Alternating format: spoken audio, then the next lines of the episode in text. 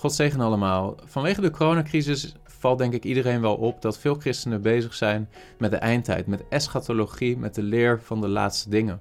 En ik heb op dit YouTube-kanaal niet zo vaak gesproken over hoe ik daar zelf tegenaan kijk. En daarom leek het me goed om daar eens uh, een kleine inleiding in te geven.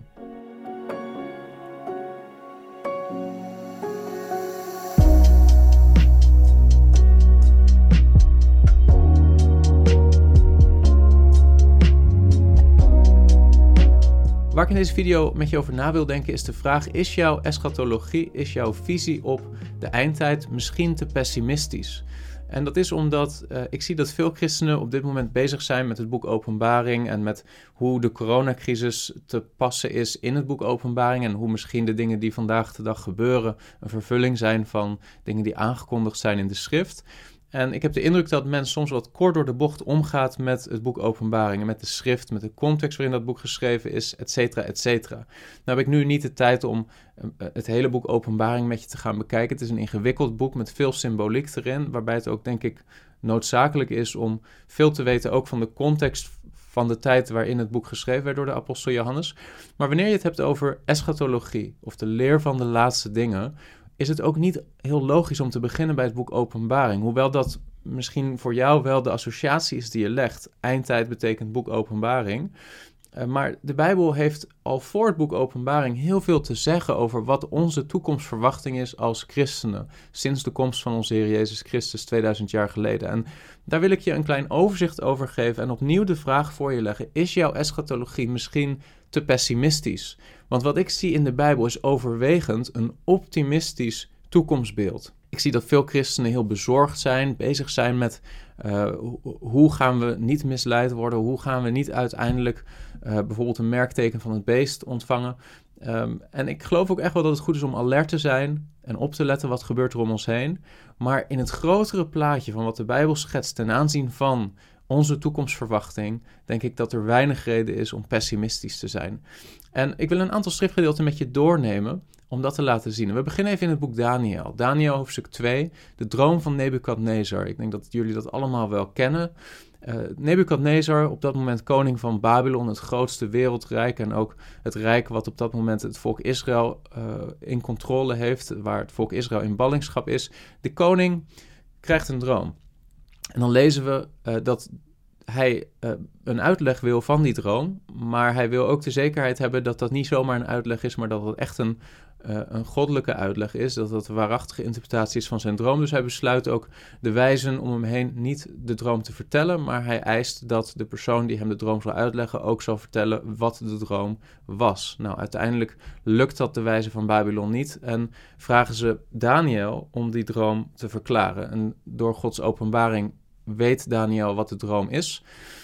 En dat is een droom die luidt als volgt. Daniel spreekt tot de koning. U, o koning, keek toe en zie een groot beeld. Dit beeld was hoog, de glans ervan uitzonderlijk. Het stond voor u, de aanblik ervan was schrikwekkend.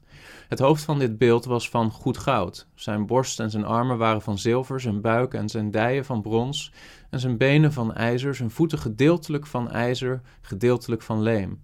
Hier keek u naar, totdat er, niet door mensenhanden, een steen werd afgehouwen. Die trof dat beeld aan zijn voeten van ijzer en leem en verbrijzelde die.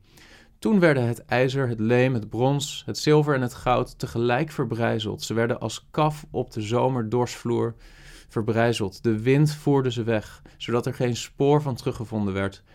Maar de steen die het beeld getroffen had, werd tot een grote berg en vulde de hele aarde.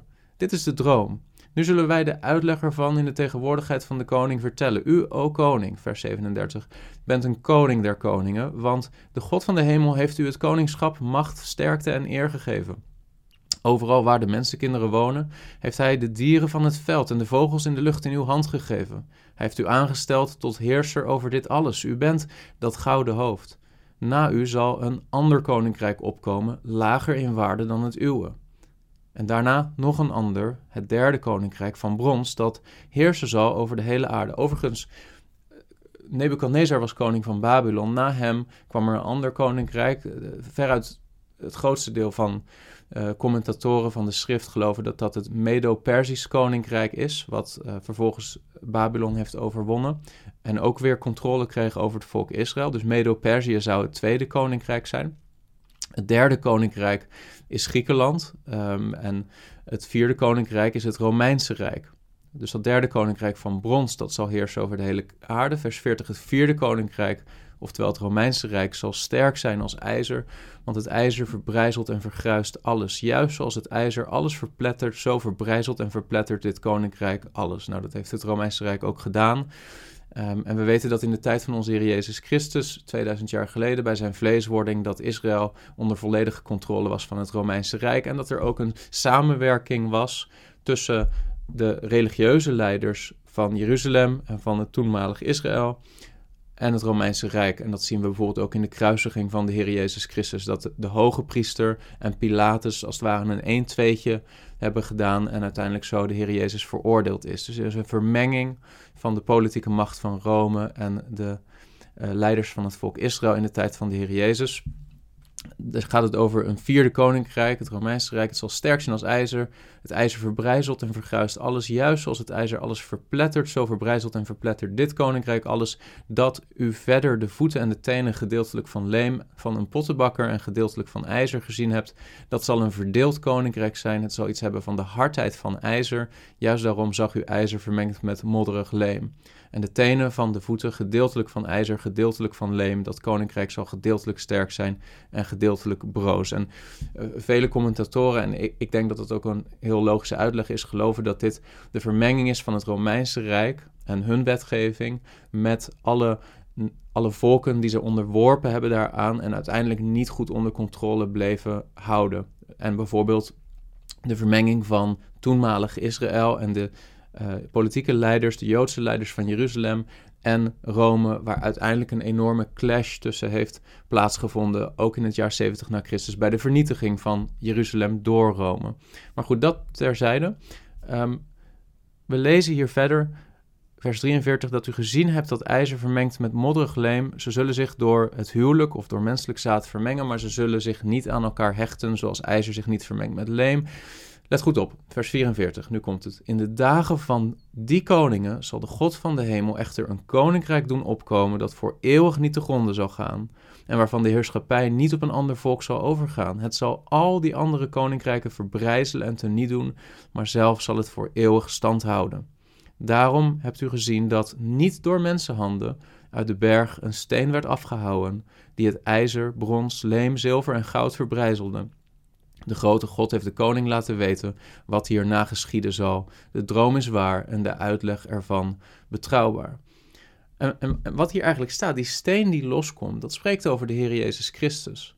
De Heer Jezus Christus wordt weliswaar 2000 jaar geleden gekruisigd door de Romeinse politieke macht, door Pilatus, in samenwerking met de Joodse leiders die van de Heer Jezus af wilden. Hij wordt gekruisigd, maar hij staat op en hij wordt verheerlijkt hij is gezeten aan de rechterhand van de Vader. En hij zegt in Matthäus 28: Mij is gegeven alle macht in de hemel en op aarde. En hij vestigt zijn koninkrijk. Hij vestigt zijn koninkrijk. Um, maar voordat we daarnaar kijken, pakken we nog even Daniel hoofdstuk 7 erbij. Want daar wordt een vergelijkbaar beeld geschetst. Daar lezen we het visioen van uh, Daniel, of de droom van de vier dieren. En daar komen vier dieren voorbij: een leeuw, nou, dat staat symbool voor Babylon, een beer. Daarvan geloof ik dat het weer symbool staat voor Medo-Perzië. Dan een panter of een luipaard, wat symbool staat voor Griekenland. Een Alexander de Grote, die in een enorme snelheid een heel groot deel van de wereld veroverde. Ehm, en tot slot een vierde beest met ijzeren tanden, waarvan ik geloof dat het opnieuw symbool staat voor het Romeinse Rijk, wat ook in de tijd van onze Heer Jezus, op het moment dat hij het koninkrijk van God vestigde op aarde, um, ja, menselijk gesproken de grootste wereldmacht was. Dan lezen we in Daniel 7, vers 11. Toen keek ik vanwege het geluid van de grote woorden die de hoorn sprak. Die hoorn was verbonden aan dat vierde beest. Ik keek toe totdat het dier gedood werd en zijn lichaam vernietigd werd en aan het laaiend vuur werd prijsgegeven. Ook de rest van de dieren ontnam men hun heerschappij, want verlenging van het leven was hun gegeven tot een bepaald tijdstip en een bepaalde tijd. Ik keek toe in de nachtvisioenen en zie, er kwam met de wolken van de hemel iemand als een mensenzoon. Hij kwam tot de oude vandaag en men deed hem voor zijn aangezicht naderbij komen. Hem werd gegeven heerschappij, eer en koningschap. En alle volken, natieën en talen moesten hem vereren. Zijn heerschappij is een eeuwige heerschappij die hem niet ontnomen zal worden en zijn koningschap zal niet te gronden gaan. Dit is vervuld 2000 jaar geleden, na de opstanding van onze Heer Jezus Christus, kwam hij tot zijn discipelen en zei in Matthäus 28, mij is gegeven, 28 vers 18, mij is gegeven alle macht in hemel en op aarde. En hij, hij, spreekt dat uit als iets wat op dat moment gegeven is aan hem. Hem is gegeven alle macht in de hemel en op aarde. En dan zegt hij: Ga dan heen, onderwijs al de volken, doop hen in de naam van de Vader, van de Zoon en van de Heilige Geest. Leer hen alles wat ik u geboden heb in acht te nemen. En zie, ik ben met u al de dagen tot de voleinding van de wereld. Amen. Het idee is dat de Heer Jezus 2000 jaar geleden alle macht heeft ontvangen op hemel en aarde. Hem is het koningschap gegeven. Uh, het beeld is verbrijzeld en er is een eeuwig koningschap, een eeuwig koninkrijk gepland. En met de grote opdracht geeft de Heer Jezus het gebod om dat koninkrijk geleidelijk steeds meer te verspreiden over de aarde door discipelen te maken en hen te leren alles te onderhouden wat de koning geboden heeft. En zo groeit de heerschappij van de Heer Jezus Christus sinds 2000 jaar geleden en daarmee het koninkrijk van God sinds 2000 jaar geleden steeds meer over de hele wereld. Zoals die steen een grote berg werd die heel de aarde vervulde. En dat is ook gebeurd. Nog even een psalm erbij pakken, Psalm 110 vers 1 dat is ook een psalm die in het Nieuw Testament vaak wordt geciteerd om het koningschap van onze Heer Jezus te benadrukken na zijn opstanding. Er staat in Psalm 110: De Heere heeft tot mijn Heere gesproken: Zit aan mijn rechterhand, totdat ik uw vijanden gemaakt zal hebben tot een voetbank voor uw voeten. De Heere strekt uw machtige scepter uit vanuit Sion en zegt: Heers te midden van uw vijanden. En zie, het idee is: het koningschap is gegeven 2000 jaar geleden aan onze Heer Jezus Christus bij zijn opstanding, bij zijn ten hemelvaring, heeft hij zichzelf gesteld aan de rechterhand van de Vader, heeft hij alle gezag ontvangen. En sinds dat moment onderwerpt de Vader de vijanden van de Heer Jezus Christus aan zijn heerschappij. En dat is een geleidelijk proces, maar het is wel een proces wat de Heer Jezus heeft aangekondigd. We lezen over het Koninkrijk van God in Matthäus hoofdstuk 13 dat de Heer Jezus bijvoorbeeld zegt in vers 31, een andere gelijkenis hield hij, dat is de Heer Jezus, hun voor. Hij zei, het koninkrijk der hemel is gelijk aan een mosterdzaad dat iemand nam en in zijn akker zaaide. Dat is wel het kleinste van al de zaden, maar als het opgegroeid is, is het het grootste van de tuingewassen. En het wordt een boom, zodat de vogels in de lucht een nest komen maken in zijn takken. Zie je, de Heer Jezus plant het koninkrijk van God 2000 jaar geleden. Hij heeft het koningschap ontvangen. En sindsdien, met Pinksteren, op het moment dat er maar 120 gelovigen daar in die bovenzaal zitten en de apostelen daar met een klein clubje op dat moment de gave van de Heilige Geest ontvangen, vervuld worden met de Heilige Geest en het evangelie beginnen te prediken en mensen beginnen te dopen. Vanaf dat moment is dat kleine zaadje aan het groeien tot die enorme boom die heel de aarde aan het vervullen is. En soms vergeten we dat, dat historisch perspectief en wat er in de geschiedenis van de kerk allemaal is gebeurd. Want vergeet niet, de christelijke gemeente is van 120 gelovigen op de dag van Pinksteren geleidelijk gegroeid tot nu de situatie dat het christendom wereldwijd 2,4 miljard gelovigen telt. En natuurlijk weet ik wel dat dat zo'n beetje alle soorten christenen zijn die je maar kunt bedenken. En dat er een hele hoop christenen ook onder zullen zitten die niet echt opnieuw geboren zijn die niet echt onderdeel zijn van het koninkrijk van God. En ook dat is allemaal door onze Heer Jezus aangekondigd. Maar los daarvan hoop ik dat je dit perspectief ziet. Dat zaadje is inmiddels veranderd in een wereldwijde boom. Het koninkrijk van God is enorm gegroeid van 120 gelovigen naar nu, nou, miljarden christenen. Dat is niet voor te stellen. En dat als je dat 2000 jaar geleden had verteld, Misschien aan een willekeurige persoon die het christendom in zijn vroegste fase zag ontstaan. Als je had gezegd: dit wordt de grootste religie, dit wordt het grootste geloof van heel de wereld. Nou, waarschijnlijk zouden ze je uitgelachen hebben. Maar dat is wel gebeurd. En dat is al een groot teken van de waarheid van de woorden van onze Heer Jezus Christus. Om het in perspectief te plaatsen. Er zijn maar zo'n 7,7 tot 7,8 miljard mensen wereldwijd. En naar schatting zo'n 2,4 miljard van die mensen beleid op wat voor manier dan ook christen te zijn. Lieve broeder, lieve zuster, het koninkrijk van God is enorm gegroeid de afgelopen 2000 jaar en het blijft groeien. En dat is aangekondigd door onze Heer Jezus Christus. Er is geen reden om pessimistisch te zijn over de toekomst. De toekomst luidt als volgt: Het koninkrijk van God zal blijven groeien. En de Heer Jezus zal zijn vijanden aan zijn voeten blijven onderwerpen tot het einde toe, totdat hij zal wederkomen en de doden zullen opstaan en we een opstandingslichaam zullen ontvangen en het laatste oordeel zal plaatsvinden.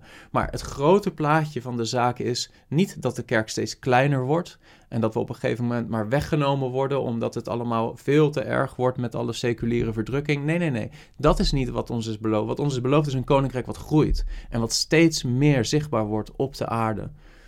En dat is mijn reden om optimistisch te zijn. En natuurlijk is er polarisatie. Natuurlijk zijn er ook heel veel niet-christenen. En zal die polarisatie waarschijnlijk alleen maar verder toenemen naarmate het koninkrijk van God verder groeit. Maar we weten op voorhand hoe dit zal aflopen. Christus heerst en hij zal blijven heersen. En dit koninkrijk zal geen einde hebben. Komt geen einde aan. Om dit nog kracht bij te zetten. 1 Korinthe hoofdstuk 15, want daar spreekt Paulus in feite ook over wat onze eschatologie mag zijn. Daar spreekt hij over de opstanding van de doden. En dan zegt Paulus in 1 Korinthe 15 vanaf vers 22: Want zoals allen in Adam sterven, zo zullen ook in Christus alle levend gemaakt worden, ieder echter in zijn eigen orde. Christus als eersteling, daarna wie van Christus zijn bij zijn komst. Daarna komt het einde wanneer hij het koningschap aan God en de Vader heeft overgegeven, wanneer hij alle heerschappij en alle macht en kracht heeft teniet gedaan. Want hij moet koning zijn totdat hij alle vijanden onder zijn voeten heeft gelegd. De laatste vijand die er niet gedaan wordt, is de dood. Dus we zien dat, dat ook Paulus aangeeft: Christus is koning. Hij is gezeten aan de rechterhand van de Vader en hij is nu bezig om geleidelijk al zijn vijanden aan zijn voeten te onderwerpen. En dat zal ook geschieden en dat gebeurt progressief.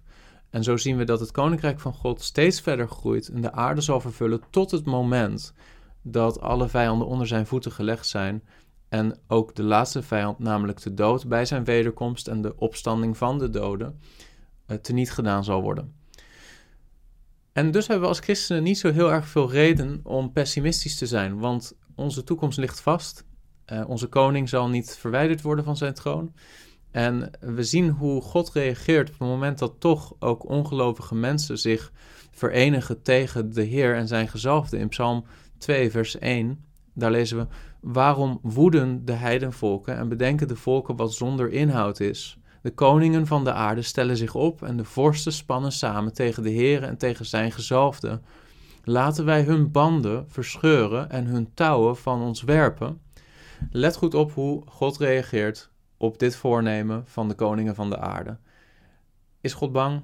Is hij aan het trillen, aan het rillen, aan het beven, uh, bezig met hoe ze dit allemaal proberen te doen? Nee, nee. We lezen vers 4: Die in de hemel woont, zal lachen. De Heere zal hen bespotten. Dan zal hij tot hen spreken in zijn toorn, in zijn brandende toorn, hun schrik aanjagen. Ik heb mijn koning toch gezalfd over Sion, mijn heilige berg. En wie is die koning? Ik zal het besluit bekendmaken, vers 7. De Heer heeft tegen mij gezegd: U bent mijn zoon, ik heb u heden verwekt eis van mij en ik zal u de heidenvolken als uw eigendom geven, de einde van de aarde als uw bezit. U zult hen verpletteren met een ijzeren scepter, u zult hen in stukken slaan als aardewerk. Nu dan, koningen, handel verstandig, laat, uw, laat u onderwijzen, rechters van de aarde.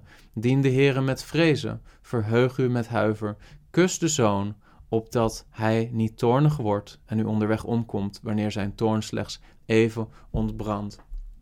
Samenvattend, onze eschatologie mag zijn dat het koninkrijk van God is gevestigd 2000 jaar geleden op aarde, begonnen als een zaadje, sindsdien geleidelijk aan heel de aarde vervuld. En dat begint bij mij, bij jou, bij ons persoonlijk leven, als we opnieuw geboren worden en alle onze terreinen van ons leven onder de heerschappij van de Heer Jezus komen te vallen wanneer we Gods woord toepassen in ons persoonlijk leven, vervolgens in ons huwelijk, in ons gezinsleven, vervolgens in onze lokale gemeente en vervolgens in heel de maatschappij, in zoverre als wij als lokale gemeente en gelovigen ook een zoutend zout zijn en een lichtend licht in de samenleving waarin God ons heeft gesteld. Maar het koninkrijk van God groeit en wordt geleidelijk aan steeds meer zichtbaar en vervult de hele aarde. Er is geen reden om pessimistisch te zijn. En natuurlijk is er oppositie en natuurlijk zal er tegenstand zijn, maar hij die in de hemel troont, lacht. En ik stel voor dat wij daar ook bij meelachen en niet zo angstig zijn